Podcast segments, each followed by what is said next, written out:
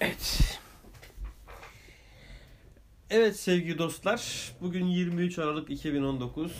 Saat yaklaşık olarak 23.10. Sevgili eşimle oturuyoruz. Ee, şöyle bir fikir belirdi. Daha doğrusu fikir şöyle ortaya çıktı. Ee, sevgili eşim katıldığı bir eğitimden sonra bilmiyorum eğitimin ismini vermemde bir sakınca var mı? İnanç Ayar'da Hı hı. ee, onun dizayn, onun organize ettiği bir eğitimdi. Ee, o eğitime katıldıktan sonra müthiş bir heyecanla eve gelerek e, şöyle bir fikrim var dedi. Biz seninle sürekli konuşuyoruz. Bazı şeyleri tartışıyoruz. Ee, bu tartışmalarımızı neden yayınlamıyoruz ya da neden kayda almıyoruz? Neden? Çünkü çok güzel tartışmalarda bulunuyoruz. Yani bazen kendimizi öyle derinleştiriyoruz ki ciddi aydınlanmalar yaşıyoruz değil mi? Evet bence de. Belki bizim yaşadığımız bu aydınlanmaların e, başkaları nezdinde de tetikleyici bir rolü olabilir diye düşündük. E, Dolayısıyla fikir böyle ortaya çıktı. Henüz ne konuşacağımızı çok biliyor, değiliz açıkçası. Biraz onu zamana, biraz güne, biraz ana bırakacağız. E, tam ben bu fikri ortaya at, daha doğrusu bu fikri destekleyip hadi bugün o zaman onu yapalım dedikten sonra aklıma ilk gelen şey hemen yanı başımdaki bir kitap oldu. Ee, Tolstoy'u görüyorum yanı başımda. Bunun bir kitabı var. Kreutzer Sanat Sonat diye bir kitabı. Ee, Evet ben buna Fas'ta başlamıştım okumaya Evet. ama bitirememiştim. Ama bende asıl tetiklediği şey e, Tolstoy'un e, Rus edebiyatı ve yazarları oldu dolayısıyla. Hemen ilk aklıma gelen de Dostoyevski oldu. Hı hı. Melike bilir ben Dostoyevski'yi çok severim. Ee, Daha doğrusu ilginç de bulurum. Sadece sevmekle ilgili bir şey de değil. Sonra nicedir aklımda takılan bir soru.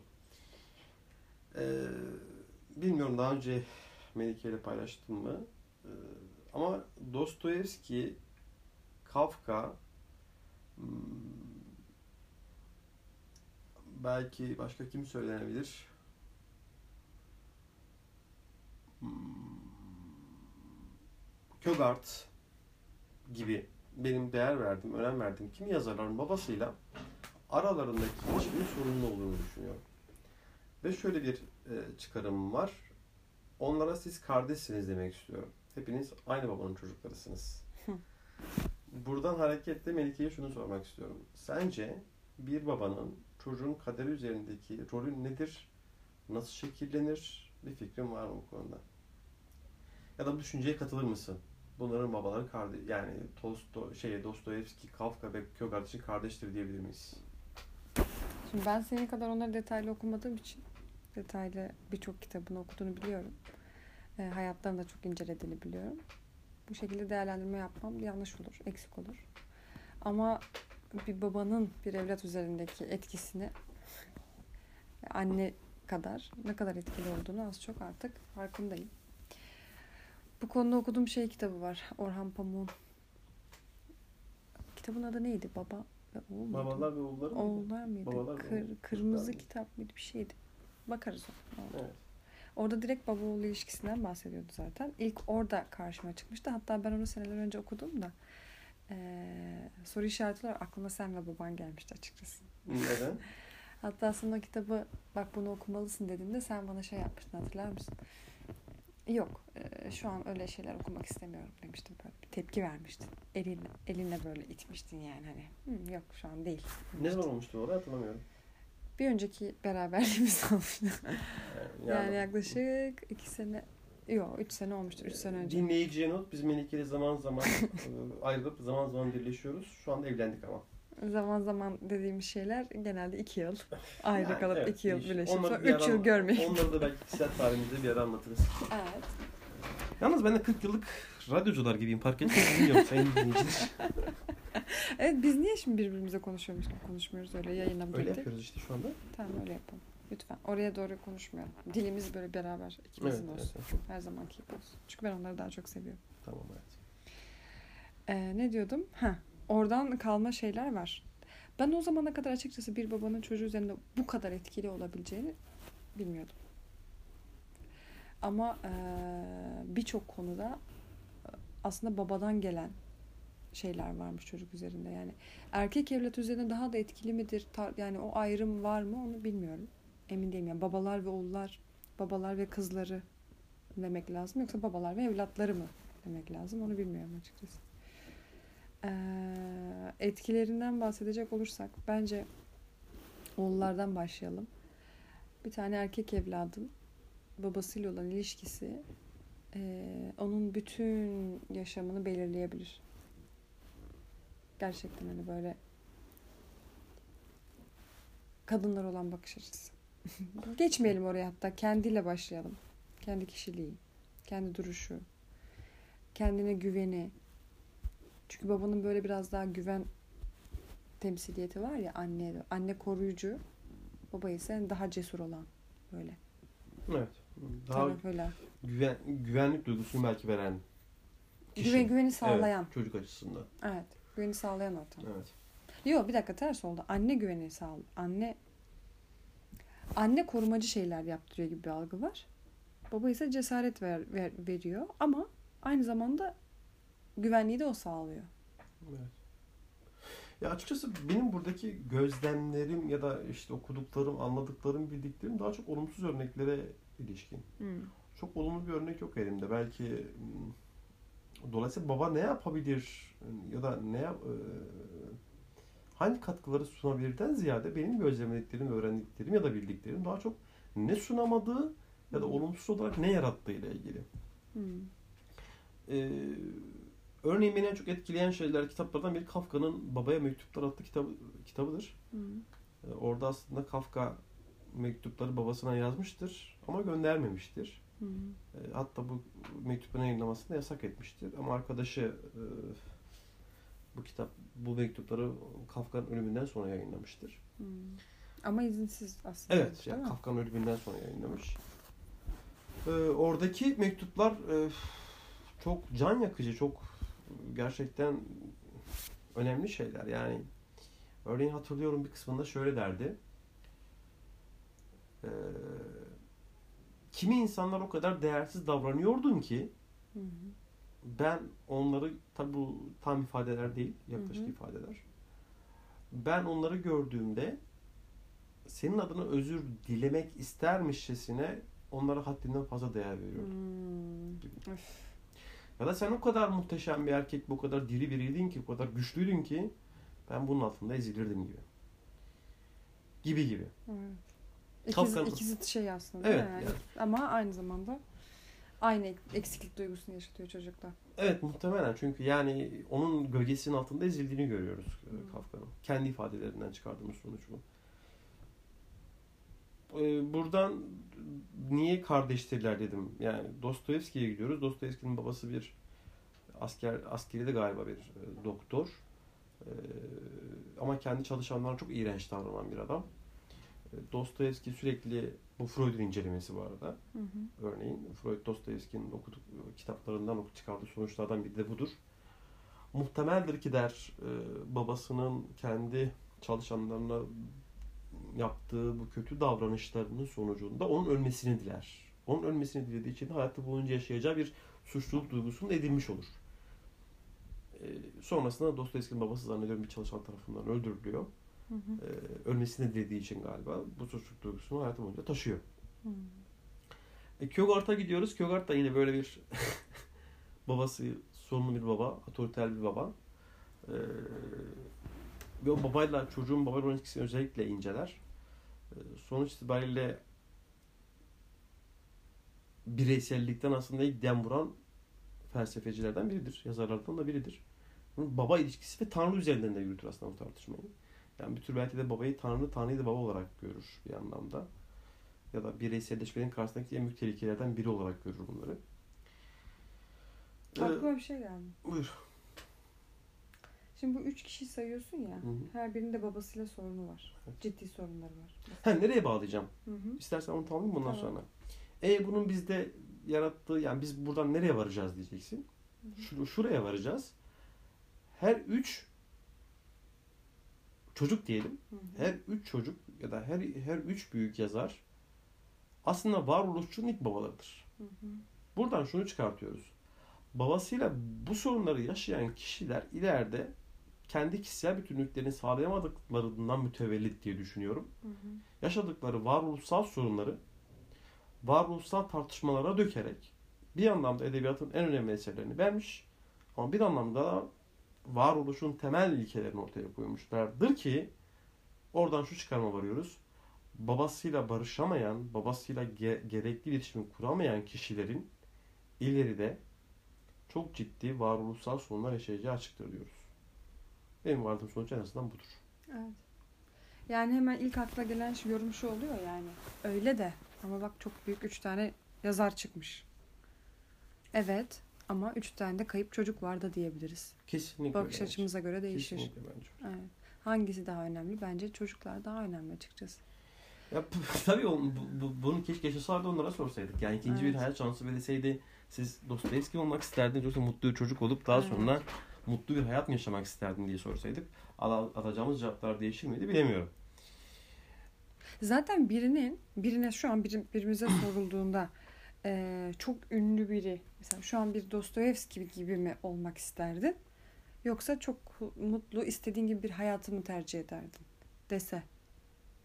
Ne derdik? Ben yine bu soru cevabını kitaplarda arardım herhalde. Ben ikincisi tercih ederdim ya. Ederdim yani. Çünkü neden ederdim? Şu anki huzurun nasıl değerli bir şey olduğunun farkına yeni varıyorum şu son 1-2 senedir. Evet ama işte bunu edebilmen için bu, bu, bu olgunluğa sahip olman gerekir. Bu olgunluğa sahip olman için de Tamam Yani- oralardan geç bir nevi geçtim tabii ki daha çok uzun yol var ama bir nevi geçtikten sonra şu uç ufacık belki de belki de yaşayacağımız çok daha büyük mutluluğun ufacık bir anı bu. Öyle hayal ediyorum hep. Ee, bile o kadar güzel ve kıymetliymiş ki, o kadar rahatlatıcı bir şeymiş ki yani diğeri o kadar büyük bir hastalıkmış ki Hangisi? o ruhsal bunalım halleri, o, o sürekli hayatı sorgulama halleri, depresif tavırlarım, ee, Ama onları yaşamasaydın burada olabilir miydin ki? Tamam ama ikisini değerlendiriyorum şu an. Yani o halde olup da ünlü bir yazar ya da ünlü bir herhangi bir şey Hı, anladım. oluyor olsaydımla şu ikisini de tartabiliyorum şu an. Evet. Şu anki halimi tercih ediyorum. Şu anki tanınmadan, ünlü olmadan olmayın, olmayan halimi ya da bir yazar çıkarmamış halim ya da bir konuşmacı her neyse işte. Bir üretken, bilinen bir üretken olmamış halimi tercih ediyorum. Ben. Anladım.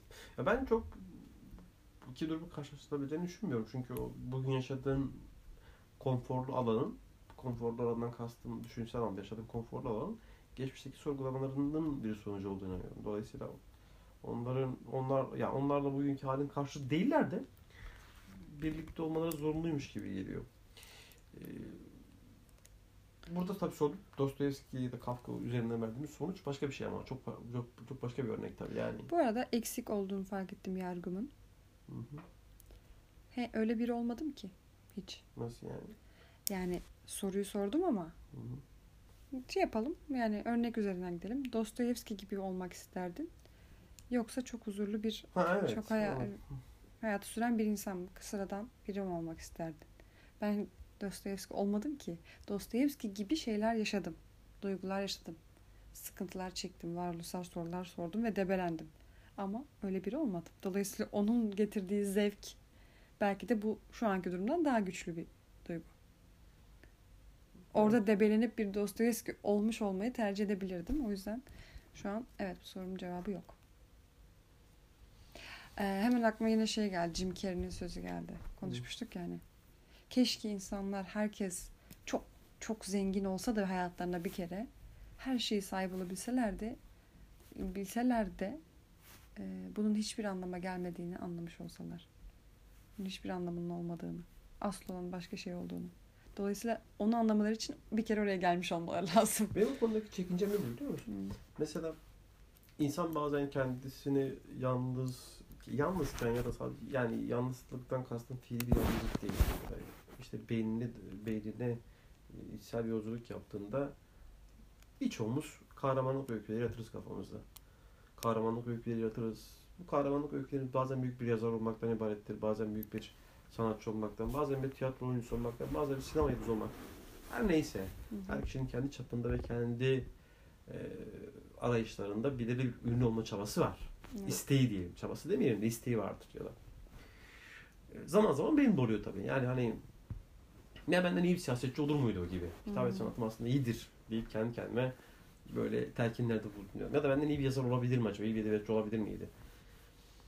Buradan hep şöyle bir korkuyla kapatıyorum konuyu.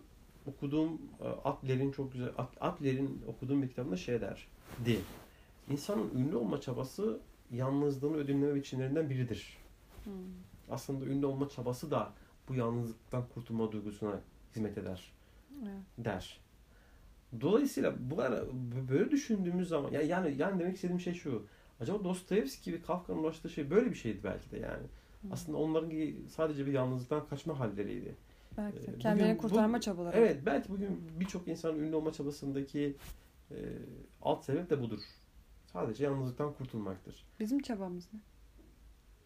Belki budur. Belki gerçekten de bu potansiyelimiz vardır. İşte oradaki ayrımı yapma. Oradan da Narsizme gireceksin. hayır hayır hayır. Karen Harney'e gireceğim. Onu daha yeni başladım onun kitabına. O da şey der. E, görkemdir. Onun, onun, onun, ifadesiyle görkem. Buradaki görkem tabii muhtemelen ünlü olma olarak değerlendirebiliriz. Hı hı. buradaki kişinin görkeme ulaşma çabası gerçekten istediği için midir? Yoksa kışkırtıldığı için midir? Hmm. O soruyu sormak gerekir der. Hani biz ünlü olmak için kışkırtılıyor muyuz? Evet. Yoksa bunu gerçekten istiyor muyuz?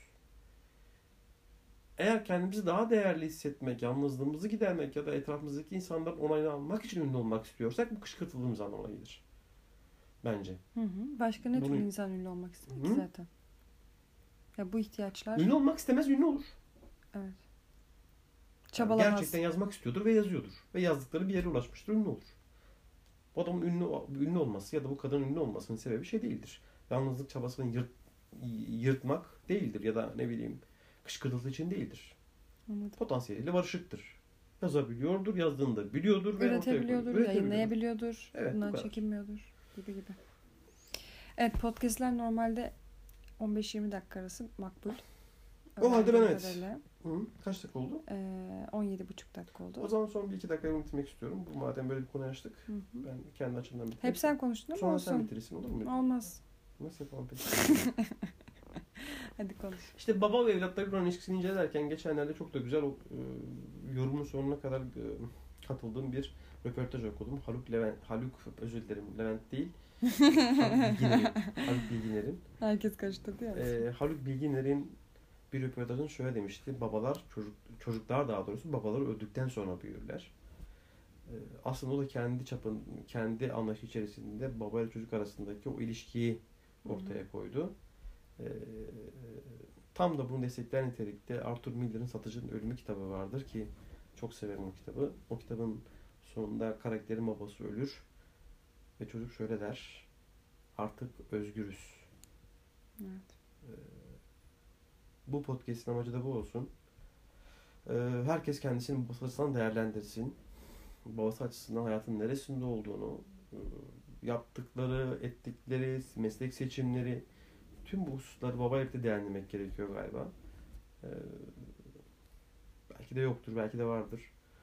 Ee, ama bazen e, farklı bir bakış atmak e, yeterli olabilir diye düşünüyorum.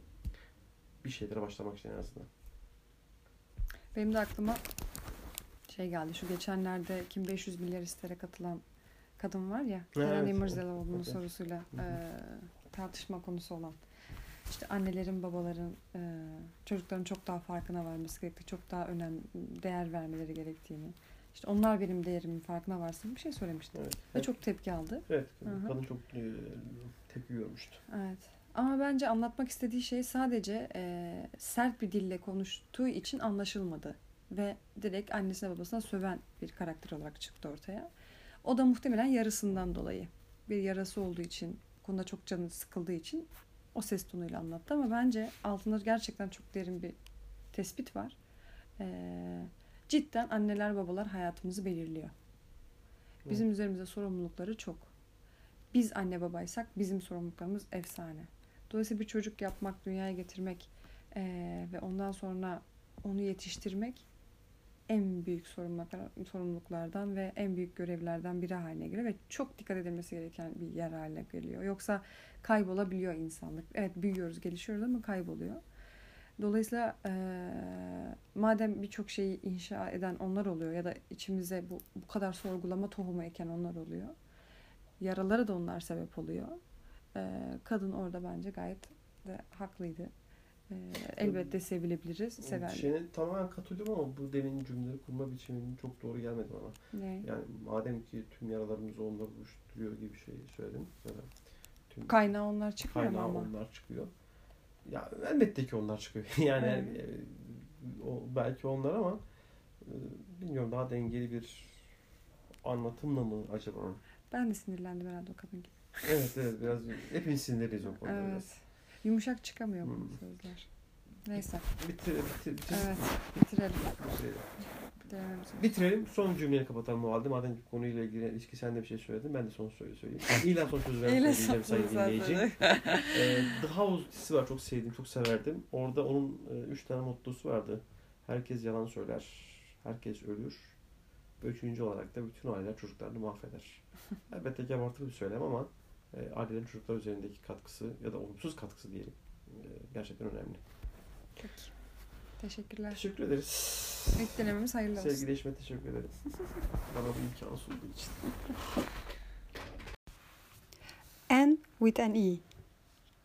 Dilindeki kelimeler hayal dünyası kadar zengin N'in. Neredeyse herhangi bir şeye sadece güzel dediğini duymadım. O şey her neyse bir ağaç, bir at, bir mendil ya da bir can. Kullanacağı en sıradan kelime muazzam olurdu sanırım. Peşi sıra olağanüstü, nefes kesici, göz kamaştırıcı, harikulade, nefis ya da zarif gelme ihtimali yüksek tabii.